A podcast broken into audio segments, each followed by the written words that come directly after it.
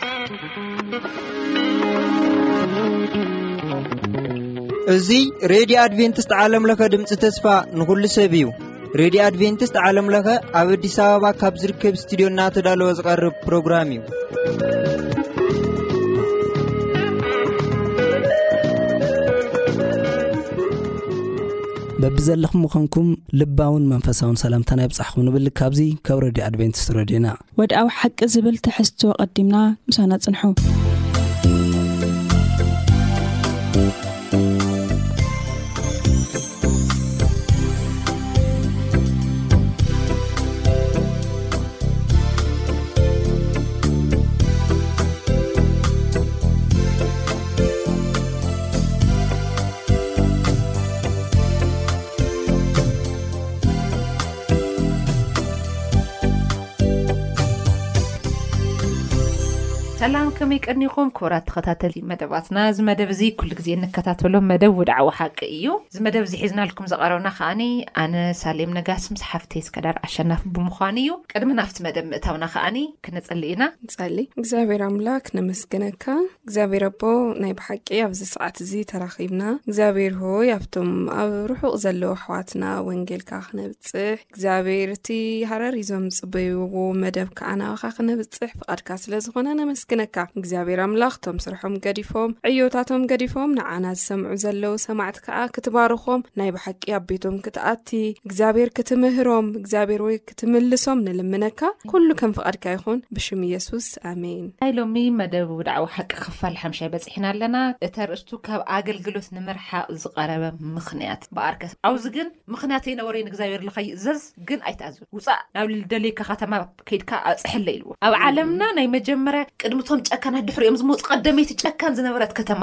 ነነዌ ከተማ እያ ናይ ሕጂ ኢራቅ እትበሃል ከተማ እያ። ታይ ይብለና ኣብ ዮናስ ምዕራፍ ሓደ እና ናሆም ነገስታት ዝብል ኣቲና ንርእዮ ጥቅሲ ንመን ክልእኽ መን ክኸደልና እዩ ዝብል ድምጺ ሰማዕኩ ኣነ እውን እኔእኹ ልኣኸኒ በልክዎ መን ኢሳያስ ኣነ ክኸደልካ እዩ ዘርእስቲ ዝግ እንታይ እዩ ልብል ኣይእዘዝን ዝበለ ልኾረየ ሓደ ኾብላሊ ነብይ እኔና ጥፉዕ ከኣ እዩ ባይ ዘወይ እዚ እግዚኣብሔር ኣቕሪቡ ካብ ምርኣይ ዝተልዓለ እውን ክኸውን ይኽእል እዩ ኣቦታት እውን እንዳተገፍዑ ስለ ልመፁ ብቶም ነገስታት ንሶም ብዙሕ መከራን ሓሰረ ውርደትን ስለ ዝረእዩ በቶም ኣሕዛብ ንሶም እንታይ ይብል ኩላቶም እቶም ንዝተፀውዑ ከም ኣብርሃም እዙዛት ኣይነበሩ ንኣብነት ዮናስ ሓደ እዩ እግዚኣብሔር ንዮናስ ንከተማ ነነዌ እታ ናይ ኣሶርያ ዋና ከተማ ከጠንቅቓ ለኣኾ እዛ ከተማ ኣብታ ሎሚ እታ ኢራቅ እትበሃል ሃገር እትርከብ ካብ የሩሳሌም ናይ ሓደ ወርሒ ጉዕዞ ወይ ደሞ ሸሞንተ ሚእቲ ተስዓን ሸሞንተን ኪሎ ሜትር ርሒቓ እያ እትርከብ።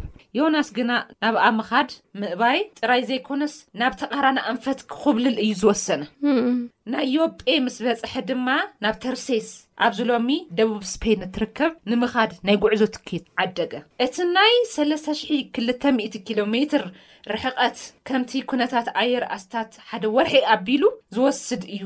ዮናስ ምስቲ ናይ ኣሶር ንጉስ ኪጋጠም ስለ ዘይደለየ፣ ነቲ ናብ ነነዌ ኪወስደሉ ዚኽእል ዝነበረ ሓደ ወርሒ ጕዕዞ ካብኣ ንምርሓቕ ኣባኸኖ። እዚ ናይ ኣምላኽ ሰብ ግና ስለምንታይ እዩ ከምዚ ዝገበረ? እቶም ህዝቢ ነነዌ ክፉኣትን ጨካናትን ሰባት እዮም ዝነበሩ፣ ብተደጋጋሚ እውን ንየሩሳሌምን ይሁዳን የጥቅዑ ነይሮም። ኰይኑ ግና፣ እግዚኣብሄር ንዮናስ ኣብዛ እክይቲ ከተማ ነነዌ ከይዱ ብዛዕባ ሓጢኣት ኬጠንቅቓ እዩ ዝነገሮ። እቲ ኣብዚ እግዚኣብሔር ዝተጠቐመሉ ቃላት ልክዕ ምስ ኣብርሃም ንሰዶም ጎመራን ኣመልኪቱ ክዛረብ ከሎ ኣብ ዘፍጥረት ዓሰርተ ሸሞንተ ካብ ዕስራ ክስካብ ዕስራን ሓደን ዘሎ ኣብርሃም ብኣንጻራዊ ዝተጠቐመሉ ዝመሳሰል እዩ ምኽንያቱ እቲ እንታይ እዩ ገይሩ ኣብርሃም ንሶዶም ይጸሊ እዩ እቲ ግን ጥፍኣት ይደልዩ ኸመይ ኢልካ ኣነ ንዚኦምስ ንቶም ኣቦታተይ ክዋረዱን ክሓስሩን ዝገበረ ኸመይ ኢለ እየ ልዚኦም ወንጌል ዝነግር እቲኦም ከኣኒ ጨካናት ኹፉኣት ዝነብሮ ከተማ ከኣ ብግልባጥ ጌሩ ይጽልየሎም እዩ ነይሩ። ካብዚ ናይ ዮናስ ዝንባለ ንሕናኸ ብዛዕባ ንኣገልግሎት መጸዋዕታ እንህቦ መልሲ እንታይ ኢና ክንምሃር ንኽእል?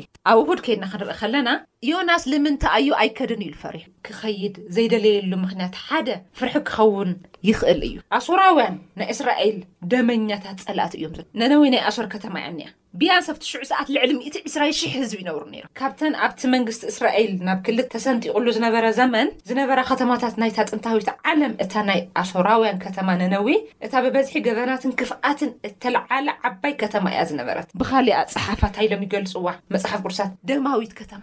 ብሓሶት ምዝራፍ እትፍለጥ ከተማ ብማለት ኢዩ ዝሰምያ። ናሆም ሰለስተ ሓደ ዄንና ክንርኢ ከለና ናይ ጥፍኣት ነነዌ እዩ ዝዛረብ።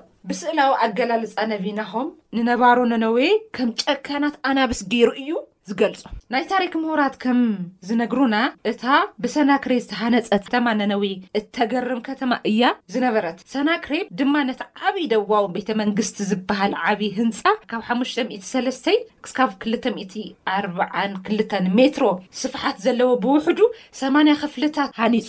ከምኡውን ናይታ ከተማ ጠለብ ማይ ዝመልኦ ገሊኣቶም ኣብ ኣስታት ስሳ ኪሎ ሜትር ርሕቐት ዝዝርግሑ ዓሰርተ ሸሞንተ ካናላት እውን ሃኒጹ ነይሩ። እቲ ስፍሓት ጥራይ ንበይኑ ዘፍርሕ እዩ ዝነበረ። ኣብቲ ናይ ባቢሎን መጥቃዕትታት ኣብ ዘቕረቦ ጸብጻብ፣ ሰናክሬም እቲ ንጐደናታት ባቢሎን ብናይ ዓበይቲ ነበርታ ኣስክሬን መሊእዎ ከም ዝነበረ ኣብቲ ብምዅዓት ዝተረኸበ መረዳእታታት ከም ዝተራእየ እውን እቶም ወተሃደራት ንሰባት ክጓዝዩ ከለዉ እዩ ዘርእይ። እቶም ሰባት ናይ ጭካነ ግፍዒ ክፍጽሙ ድሕር ዘይብሉ፣ ነቶም ዝጸልእዎም ካብ ምጭፍጫፍ ብግፍዒ ምቕታል ሰጋእ ዝብሉ ኣይነበሩን። ዮናስ ኣብቲ ጎደናታት ነነዌ ኣብ መንጎ እቶም ህዝቢ ክመላለስ ከሎ ብስግኣት እዩ ነይሩ። ኣብዚ ከምዚ ዝኣምሰለ ዘሸብር ኩነታት ዝነበረ ዮናስ እምበኣር። እዞም ሰባት እዚኦም ጨካናት ነይሮም። ተስታውሱ ተኾይንኩም ብንጉስ ሕዝቅያስ ዘመን ነዛ ከተማ ከቢቦማ ነይሮም። ኣሶራውያን ማለት እዩ። እስራኤላውያን ክምልስዎም ክምክትዎም ለይኽእሉ ህዝቢ ሓደ ተልህልው ህዝቢ ኣሶር እዩና ካብ ከምኡ ልተልዓለ ታሪክ እኒኤዎ እዩ ርእዎም ለዩ ስለዚ ብዘመኑ ናይ ኣሶራውያን ክፍኣት ጭካነ ርእዩ እዩ ካብዚ ዝተልዓለ ናብቲ ከተማ ይከደ ሞታ እዩ ገይሩ ብዚ ናይ ሕጂ ስፔን በቲ ናይ ቀደም ተርሴስ ዝበሃል ከተማ ከም ዝኾብለለ ይነግረና ማለት እዩ ኣብ ናይ ሶኒ ከይድና ክንርኢ ከለና ምክንያት ናይ ሓሶት ርእይቶ ናብ ተርሴስ ትኸይድ መርከብ ትኬት ቆሪጹ ከም ዝደየበ ብኣርከስ እግዚኣብሔር ናብዛ መርከብ ምስ ኣተወ ማዕበል ከም ዘልዐለላ ይነግረና ሽሑ እኳ ዮናስ ካብቲ ግዝኣት ጀሆቫ ኣምላኽና ኢሎም ዝኣምኑ ህዝቢ ይሃድም እንተ ነበረ፣ ኰይኑ ግና በቲ ኣሸጋሪ መንገዲ እግዚኣብሄር ካብቲ ግዝኣት ርሒቑ ከም ዝነበረ ክርዳእ ዝኽእል። ማዕበል ክለዓል ከብ ኣብ መርከብ ዘለዉ ጽዕነታት እዮም ዝድርበዩ ናብቲ ምእንቲ ክትፎክስ ክትለዓል ንላዕሊ ክትወጽእ ግን እዚ ኣይሰመዐ እዚ ማዕበል ምክንያቱ ዝደልዮ ኣከለብቲ ውሽጡ ስለ ደሎ ልተኣዘዘ ኣካለለሎ ኮብለለ እግዚኣብሔር እውን ክቲ ውሽጡ ዝኣተየ ስራሕ ስለ ደለዎ። ግን እግዚኣብሔር ኣምላኽ ምድሪ ብምሉእታ ኣህዛብ ብምሉኦም ክተርፉ ካብቲ ጥፍኣት ካብቲ መዓት ክተርፉ ይደሊ እዩ። እንተ ዘይደሊ ነይሩ ንኖህ ሚእቲ ዕስራ ዓመት ክሰብኽ ኣይምፈቐደሉ እዩ። እንተ ዘይደሊ ነይሩ ንዮናስ ናብ ነነዌ ኣይልእኾይ እሞ እንዳረእዮም ናቱ ህዝቢ እዮም ዘሳድዱሉ።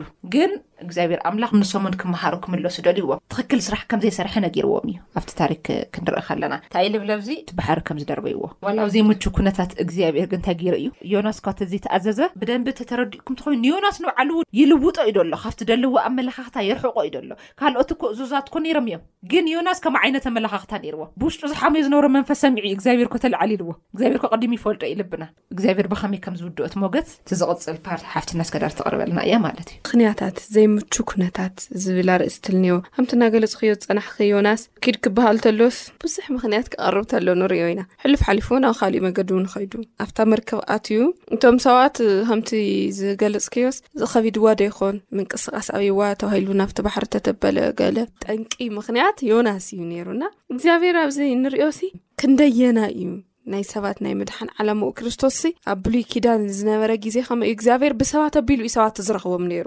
ብነብያት ኣቢሉ ዩ ሰባት ዝረኽቦም ነይሩ ከምቲ እናገለፅናዩ ዝመፃን ኣብ ዝሓለፈ ሰሙን ዝነበረ ትምህርቲ ኣብርሃም ከመይ ዓይነት ምእዙዝ ከም ዝነበረን ከመይ ዓይነት ናይ እግዚኣብሔር ድምፂ ይሰምዕ ከም ዝነበረን ርኢና ኣብ ዮናስ ንርኢ ከለና ከዓ ከዲ ናብኡ ዓድማ ይናገር ናብኡማ ይሰብኪ ኖኖ ንኦማ እዚ ፍርዲ እዚ እዩ ዝግብኦም እንብሎም ነገራት እኒውና ኣብዚ ሕዚ ግዜ እንነብር ሰባት ዋላ ናይ እግዚኣብሄር ዓላማ ምን ግዜ ሰባት ክንሰርሖ ዘይክንሰርሖ ንኽእል ኢና እግዚኣብሄር ሰብ ኣለዎ ግን ፌለ ይገብር ሓሳቡ ክኸልከል ከምዘይኽእል እግዚኣብሄር እግዚኣብሄር ነታ ነነዌ ከድሕን በቃ ሓሲቡ እዩ ኣብ ከብዲ ዓሳ ቅሚጡ እዩ ኣብ መጨረሻ እንትን ክብል ተሎስ ኣብታ ኣይኸድን ዝበላ ከተማ እዩ ኒ እግዚኣብሔር እንታይ እዩ ንዮናስ ተጠቒሙሉ ንዓላማ እዩ ዮናስ ብዛዕባ ህዝቢ ነነወ እንታይ ኣረኣያ ነይርዎ ብዘየገድስ ንሱ ግን ነቲ መዋእል እግዚኣብሔር ከም ዘለዎ እዩ ሳዕበይኑ ድማ ዘገርም ኮነ እቶም ሰብ ነነዌ ንምንሳሕ ተለዓዓሉ። ነነዌስ ዮናስሲ እቲ ምሕረት ኣምላኽሲ እይግብኦምን ኢሉ ካብ ምሕሳዉ ኣብቲ መጨረሻ ክንሪኦ ከለና ዮናስ እግዚኣብሔር ንቶም ህዝቢ ምስ ሰምዖም ዋላስ ተናዲዱ እዩ ደስ ኣይበሎይ ክጣዓሱ እዮም ኢሉ እውን ዝገመት ኣይመስለንን ኣነ ዮናስ እቶም ህዝቢ ንኻ ምምላሶም ንኡ እንትኒ ገይርዎ በርግጥ ኣየሐጎሶይ ግን ዝተገረመ ይመስለኒ ብርግጽ በቃ ክጠፍኡ ዘለዎም ሰባት እዮም ኢሉ ሓሲዎም ስለ ዝነበረ ሓሲዎም እዩ እውን እቲ ታሪክ መዕለብኡ ዝረኸበ ከምኡ እዩ ንምንታይ ኢልና በለ ኢና ተዛዚሙቲ ናይ ዮናስ ታሪክ ክንሪዮ ተለና ብዮናስ ምኻድ ግን እግዚኣብሔር ከም ዝገበሩ ይብለኩም ኣሎ ክብሎም ከሎ ግን እቶም ህዝብታት ክምለሱ ከለዉ ከዓ ንሪዮ ብኣና ምክንያት ብዙሓት ክድሕኑ እናክኣሉስ ስቕደ ኢልና ንኸውን እዚ ንባዕልና እውን ክንፍትሽ ዝገብር ሓደ ሓደ እዋን ከም ዮናስ ነቲ ክንሰብኸሉ ዘለና ሰብ ወይም ጉጅለ ንዘይምስባኽ ናይ ዓርስና ሕቡእ ኣጀንዳ ይህልወና እዩ ነቲ ክፉእ ሓሳብ ንምስናፍ ግን ትሕትና የድልየና እዩ። ኣገልግሎት ማለት ግዜን ስምዒታዊ ሓይልን ይደሊ እዩ። ንኻልኦት ምግልጋል ብዛዕባቶም ምግዳስ ከቢድ ኣድካምን ነገር ክኸውን ይኽእል እዩ። ምናልባት ብጌቴሰማኒ ወይም ደሞ ብቀራንዮ ዝወስድ መንገዲ ክኾን ይኽእል እዩ ይብሎም። እርግጽ ናይ ዮናስ ምርጫ ጉዳይ እዩ እቲ መንገዲ ክኽብደሉ ዝኸኣለ ኣይእዘዝን ብምባሉ እዩ ብኡ ገይሩ ክኸድግ ታንኡ ዝተውሃወቶ ተልእኮ ግን ወድዩ እቲ ኣብ ሃገረይ ከለኹ ተዛረብክዎስ እዚ ዶ ኣይኮነን መሓርን ርሕርሑን ንኹራ ደንጓዪ በዓል ዓብዪ ሳህልን ንእኩይ እትጠዓሰሉን ኣምላኽ ከም ዝኾንካ ስለ ዝፈለጥኩ ስለዚ እያ ቀዲመ ናብ ተርሴስ ዝሃደምኩ ዮናስ ታይ ችግሩ ይብለና ትምህርቲ ሰንበትና ሰብኣይ እዚ ታይ ችግሩ ዮናስ ምዕራፍ ኣርባዕተ ግናኸ እዚ ንዮናስ ኣዝዩ ኣግሃዮ ኮረይ እውን ናብ እግዚኣብሔር ደማ ጸለየ እግዚኣብሔር እምበኣርሲ ሕጂ ካብ ብህይወት ምንባር ሙማት ይሕሸኒ እሞ እልምነካ ኣለኹ ነፍሰይ ካባይ ውሰዳ እግዚኣብሔር ድማ ብምክራይካስ ጽቡቕ ዶ ትገብር ኣለኻ በለ ዮናስ ኸኣ ካብታ ኸተማ ወጸ ካብ ኣብ ወገን ምብራቕ እታ ኸተማ እውን ተቐመጠ ኣብኣ ንርእሱ ዳስ ገበረ፣ ነታ ኸተማ ዝወርድ ኽርኢ ድማ ኣብ ትሕቲኡ ጽላል ተቐመጠ። እግዚኣብሔር ኣምላኽ ከኣ ንዮናስ ርእሱ ኽተጽልለሉ እሞ ኻብ ሕሰሙ ኽተናግፎ ኢሉ ግሉዕ ኣዳለወ፣ ኣብ ልዕሊኡ ድማ ዕበያ። ግናኸ ንጽባሒቱ ምስ ወግሐ ኣምላኽ ሓሰኻ ኣዳለወ፣ ንሱ ኸኣ ነታ ጉልዒ ወቐዓ እሞ ነቐጸት። ጸሓይ ምስ በረቐት ድማ ኣምላኽ ውዑይ ንፋስ ምብራቓ ንዮናስ ክሳዕ ዚሕልለሉ ርእሱ ወቕዐቶ። ንሱ እውን ካብ ብህይወት ምንባርሲ ሞት ይሕሸኒ ኢሉ ንነፍሱ ሞት ለመነላ። ኣምላኽ ከኣ ንዮናስ በታ ጉልዒ ትቝጣዕ ዶ ይግበኣካ እዩ በሎ። ንሱ ድማ ክሳዕ ሞት ክቝጣዕ እኳ ይግበኣኒ እዩ። ኮሪ እኮ እዩ ኣብዚ ንምንታይ ሰባት ድሓኑ እዩ። እግዚኣብሔር ከኣ በሎ ንስኻ በታ ዘይደኸምካላን ዘየዕበኻያን ብሓንቲ ለይቲ ዝቦቐለት ብሓንቲ ለይቲ ከኣ ድማ ዝጠፍዐት ጉልዒ ጉሂኻ ኣብዚኣ እያ ዘላ። ኣነ ኸዓ ነታ ዓባይ ከተማ ነነዌ የማኑ ካብ ጸጋሙ ክፈልዩ ዘይኽእሉ ኣብ ሚእትን ዕስራን ሽሕ ዝበዝሑ ሰባት ብዙሓት እንስሳትን ዘለውዋ እንዶ ኣይርሕርሐላን እዩ። ንዘይሰርሓ፣ ንዘይተኸላ፣ ንዘይኮስኮሳ፣ ንዘይየዕበያ። እግዚኣብሔር ነቲ ዝፈጠሮ ጥፉእ ክጠፍእሲ ከመይ ጌርኻ ኢልዎ። ከመይ ጌሩ እዚ ይኸውን? ኣብዚ'ዩ ተወዲኡ እቲ ናይ ዮናስ ታሪክ። እግዚኣብሔር ንሰባት ምድሓን ዘለዎ ዕላማ። ቀጺሉ እንታይ እዩ እኒኤኹ ንዓይ ለኣኸኒ ዝብል ኸዓ ንመን ክልእኽ ኢሉ እግዚኣብሄርሲ ንዓይ ለኣኸኒ ኣብ ኢሳያስ ምዕራፍ ሽዱሽተ ካብ ሓደ ክሳብ ሸሞንተ ዘሎ ሓሳብ እዩ ንዓይ ለኣኸኒ በታ ንጉስ ኡዝያ ዝሞተላ ዓመት ኮነ እግዚኣብሔር ኣብ በሪኽን ልዕልን ዝበለ ዝፋን ተቐሚጡ ከሎ ረኣኽዎ ዘፈራት ልብሱ ከዓ ነቲ መቕደስ መሊእዎ ነበረ ኣብ ልዕሊኡ ድማ ሱራፍኤል ቆይሞም ነበሩ ነብሲ ወከፍ ሽዱሽተ ክንፈለዎም በቲ ክልተ ገጹ ይኸድንዎ፣ በቲ ክልተ ደማ ኣጋሩ ይኸድኑ፣ በቲ ክልተ እውን ይነፍር ነበረ። እቲ ሓደ ኸዓ ቅዱስ ቅዱስ ቅዱስ እዩ እግዚኣብሔር ጐይታ ሰራዊት ኩሉ ምድሪ ብኽብሩ መሊኣ ኣላ ኢሉ ኣድሃየ። ብድምፂ እቶም ዘድሀዩ እቲ መሰረት ልዳውቲ ኣንቀጥቀጠ፣ እቲ ቤት እውን ትኪ መልአ። ሽዑ ድማ ኣብ ማእኸል እቲ ኸናፍሩ ዝርኹስ ህዝቢ ኸዓ እነብር ኣለኹ እሞ ወይለይ ኣዕንተይ ንንጉስ ንእግዚኣብሔር ጐይታ ሰራዊት ረኣየን እሞ ጠፋእኩ በለ። ካብቶም ሱራፍኤል ሓደ ድማ ጓሂ ኻብቲ መሰውኢ ብጕጤት ወሲዱ ኣብ ኢዱ ሒዙ ናባይ ነፈረ። ብእኡ ኸኣ ከንፈረይ ተንከየ እሞ፣ እንሆ እዚ ኸናፍርካ ተንከዮ፣ ኣበሳኻ ረሓቐልካ፣ ሓጢኣትካውን ጸረየልካ በለ። ንመን ክልእኽ፣ መን ክኸደልና እዩ? ዝብል ድምጺ ኸኣ ሰማዕኩ። ኣነ እውን፣ እንኤኹ ልኣኸኒ በልኩ። እቲ ጻውዒት ቀሪቡ ዘሎ እግዚኣብሄር ድማ ወለንተኛታት ኣገልገልቲ ይደሊ ኣሎ። ንሕና ድማ ነቲ ትሕዝቶ መልእኽቱ ብውነ ኣዳሚጽናን ዝህበና መልእኽቲ ተረዲእናን ኢና ጻውዒት ብዝግባእ መልሲ ክንህብ ከም ፍቓዱ ክንእዘዝ ዝግበኣና። እዚ ናይ ዮናስ ተመክሮ እግዚኣብሄር ነቶም ካብ ድምጹን ፍቕሩን ርሒቖም ኣብ ርሑቕ ዝነብሩ ሰባት እውን ከም ዘፍቅሮም እዩ። ካብኡኸ እግዚኣብሄር ልክዕ ከምቲ ንህዝቢ ነነዌ ዘፍቀሮም ሎሚ እውን ኣብ ክንዲ ብኣእዋም ዕምባባታት ብህንጻ እናተጨነቓ ዝተዓብለላ ድምጺ ጸጥታ ጠፊኡ ዝሕመሳ ከተማታት ዝነብሩ ብሚልዮናት ዝቝጸሩ ኣህዛብ ፍቕርን ሓልዮትን ከም ዘለዎ እዩ። ብዛዕባ ህዝቢ ነነዌ እግዚኣብሔር የማኖም ካብ ጸጋሞም ክፈልዩ ዘይክእሉ ብማለት እዩ ገሊጽዎ። ሎሚ ድማ እግዚኣብሄር ናብቶም ብልሓት ዓለም መነባብሮ ዝሸግሩ ዘለዉ ሰባት ዝኸዱ ኣገልገልቲ ይደሊ ኣሎ። ኢሳይያስ ንእግዚኣብሄር ንመን ከ ክንልእኽ መን ክኸደልና እዩ ክብል ሰሚዕዎ። ነዚ ኸናትና መልሲ እንታይ እዩ?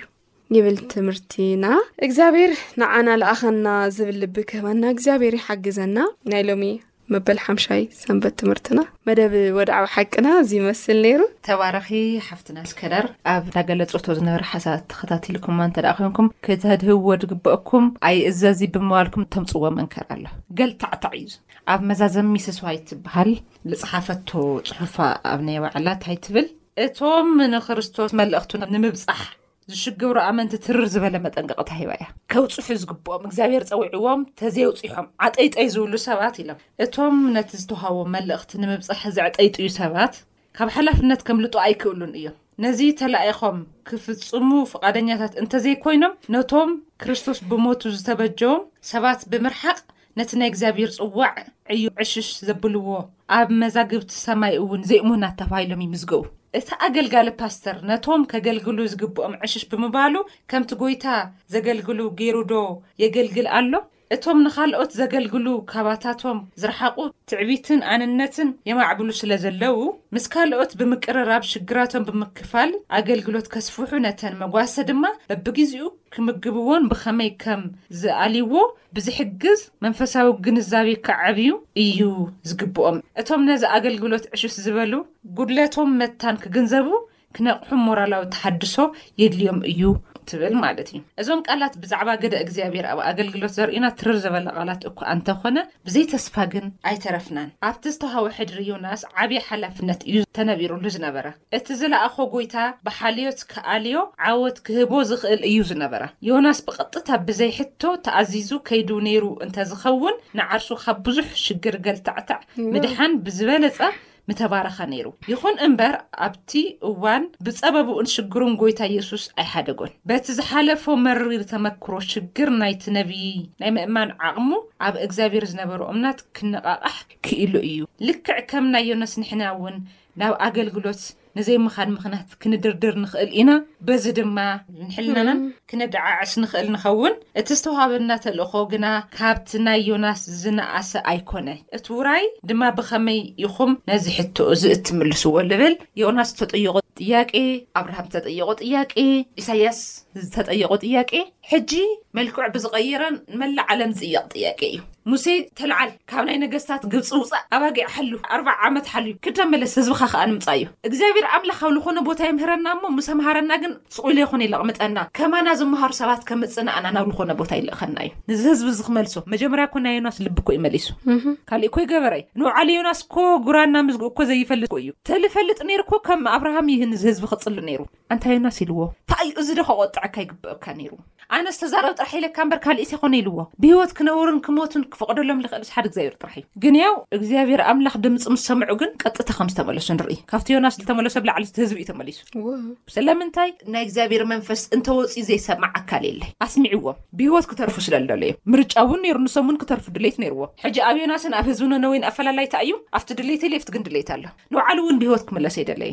ኣብ ጸሎት ኮን ርእይና ኣብ ከብዲ ዓሳ ኮይኑ ልጸለዮ ጸሎት ሓይልን ስራሕ እግዚኣብሔርን ዝተዛረቦ ዮናስ ኮን እዮ። ካብኡ ግን ኣውጽእዎ ከም ዝተረድኦ ከም ዝተምሃረ ካብ ዓሳ ከብዲ ኣውጺኡ ኪድ በል ሕጂ እውን ኣይገደፋይ እግዚኣብሔር በል ተተማሂርካስ ኪድ በል ተዛረብ ኢልዎ ሕጂ እውን ተመሊሱ ታይ ድዩ ገይሩ ተቃል እኮ ድርበይ ቢልዋ መጹ እዩ ግን ክትጠፍእ ድሌቱ እዩ እታ ከተማ ዳሓርስ ተጸጊዑ ኣፍታ ናብ ዓዱ ክምለስ እዩ ዝግብኦ ነይሩ ክጥፍእ ኣታ ከተማ ክርኢ ግን ርሕቅ ኢሉ ኣፍታ ቦታ ተቀሚጡ እሞከ እግዚኣብሔር ከጥፍኣ ድዩ ከም ናይ ሰብ ሓሳብ ኣይኮነን ድሓስብ እግዚኣብሔር ኣካይዳ ናይ እግዚኣብሔር ፍጹም እዩ። ስለዚ ታይ ገይሩ ነታ ከተማ ኣሊን ናይ ዮናስ ልቢ መሊስዎ ይብለና። እቲ እግዚኣብሔር ዝጸወዐና ተቐቢልና። ተቐቢልካ ሱቕ ኣይብሃል እዩ ቅድሚ ክርስቶስ ከይድካ ተብጽሕ ኢኻ። እቲ ዓወት ዝሃቦ ሰብ እዩ ከምኡ ዓወት ንኸረኽቡ ዝገብር ነበረ መንፈስ ኣምላኽ ምስኦም ነይሩ።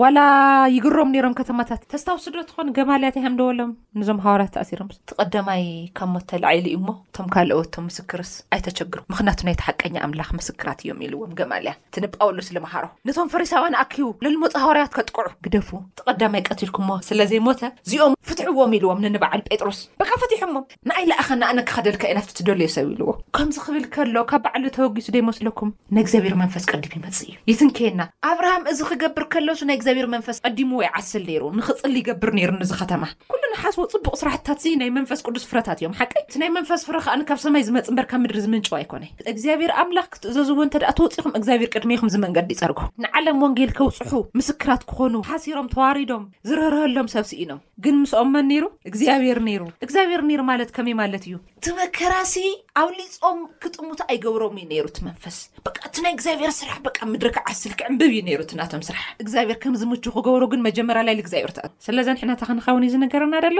እንድሕር ተዘይተኣዚዝና ክንጥየቕ ኢና። ከም ዮናስ ኮብለል ኢና ንብል እምበይ ካብታ መከራ ኣይንወጽእን። ንሕና ንባዕልና ኣላ ክንሰምዕ ክንኽእል ኒእና። ካብ ደለዎ ጥፍኣት እዚ ክንገብር ከኣኒ በይንኹም የገድፈኩም ኢልዎም ኢለ ሃዋርያት መን መንፈስ ቅዱስ ክልእኸልኩም ኢልዎም በርቲዖም ጠንኪሮም ኣብ ዓለም ክንድኡ ዓይነት ጅግንነት ተሰሪሑ ኣይፈልጥ እዩ ዘይቁጸሩ ዘይቁጸሩ ኣህዛብ ተረኺቦም ብኸመይ መልክዕ ንእግዚኣብሔር ስለ ልተኣዘዙ ካብ ቅንኢ ዝተለዓለ ጥራሕ ህይወት ስለ ለትረፉ ስለዚ ንሕና ህይወት ልምትራፍ ስንዕደም ኣለና መጀመርያ ንባዕልና ክንተርፍ ካልኣይ ከኣኒ ብጾትና ሒዝና ናብ ሰማይ ናብቲ ዝመጽእ መንግስቲ ክነሰልፍ እግዚኣብሔር ኣምላኽ ምሳይን ምሳኻትኩምን እዩ። ዓለም ዋላ ብ ጭቕጭቕን መከራን ገለ ክተብዝሕ እንተ ተሰለፈት እግዚኣብሔር ነቲ መከራ ከጽሪ ሰልፊ ኣለዎ። ሰለዚ እዚ ክትገብሩ ዘለዓዕል መንፈስ ናይ እግዚኣብሔር ሽም ንህበኩም። እን ጴጥሮስ እውን ንሱ እዮም ኢሎም። እቲ ዘለዎም እዮም ሂቦም። እቲ ዘለና ንሕና ከኣ ንየሱስ እዩ። የሱስ ንኹሉ ዓለም ይኣክል። ብኡ ሽም ከኣ ንዓለም መላእ በጺሖም እዮም። ሰማዕትና ስራሕኹም ኩሉ ነገርኩም ገዲፍኩም ከም ትከታተሉና ብደንቢ ኢና ንፈልጥ ሕያዋይ ልኾነ ናይ እግዚኣብሔር ቃል ክትሰምዑ ፍቓደኛታት ስለ ልኾንኩም ከኣኒ ካብ ልቢ ኢና ነመስግነኩም ሰናይ ቅነ ተባረኹ ሓሳብን ጥያቄን ብዝልህኩም ብልሙድ ስልኪ ቁጽርና ባዶ ትሽዓተ ሰማንያን ትሽዓተን ሰብዓን ሸውዓተን ኣርብዓን ሓሙሽተን ቴስዓ ብምባል ፖስታ ሳጽን ቁጽሪ ከኣኒ ሚእትን ኣርብዓን ሓሙሽተን ኢልኩም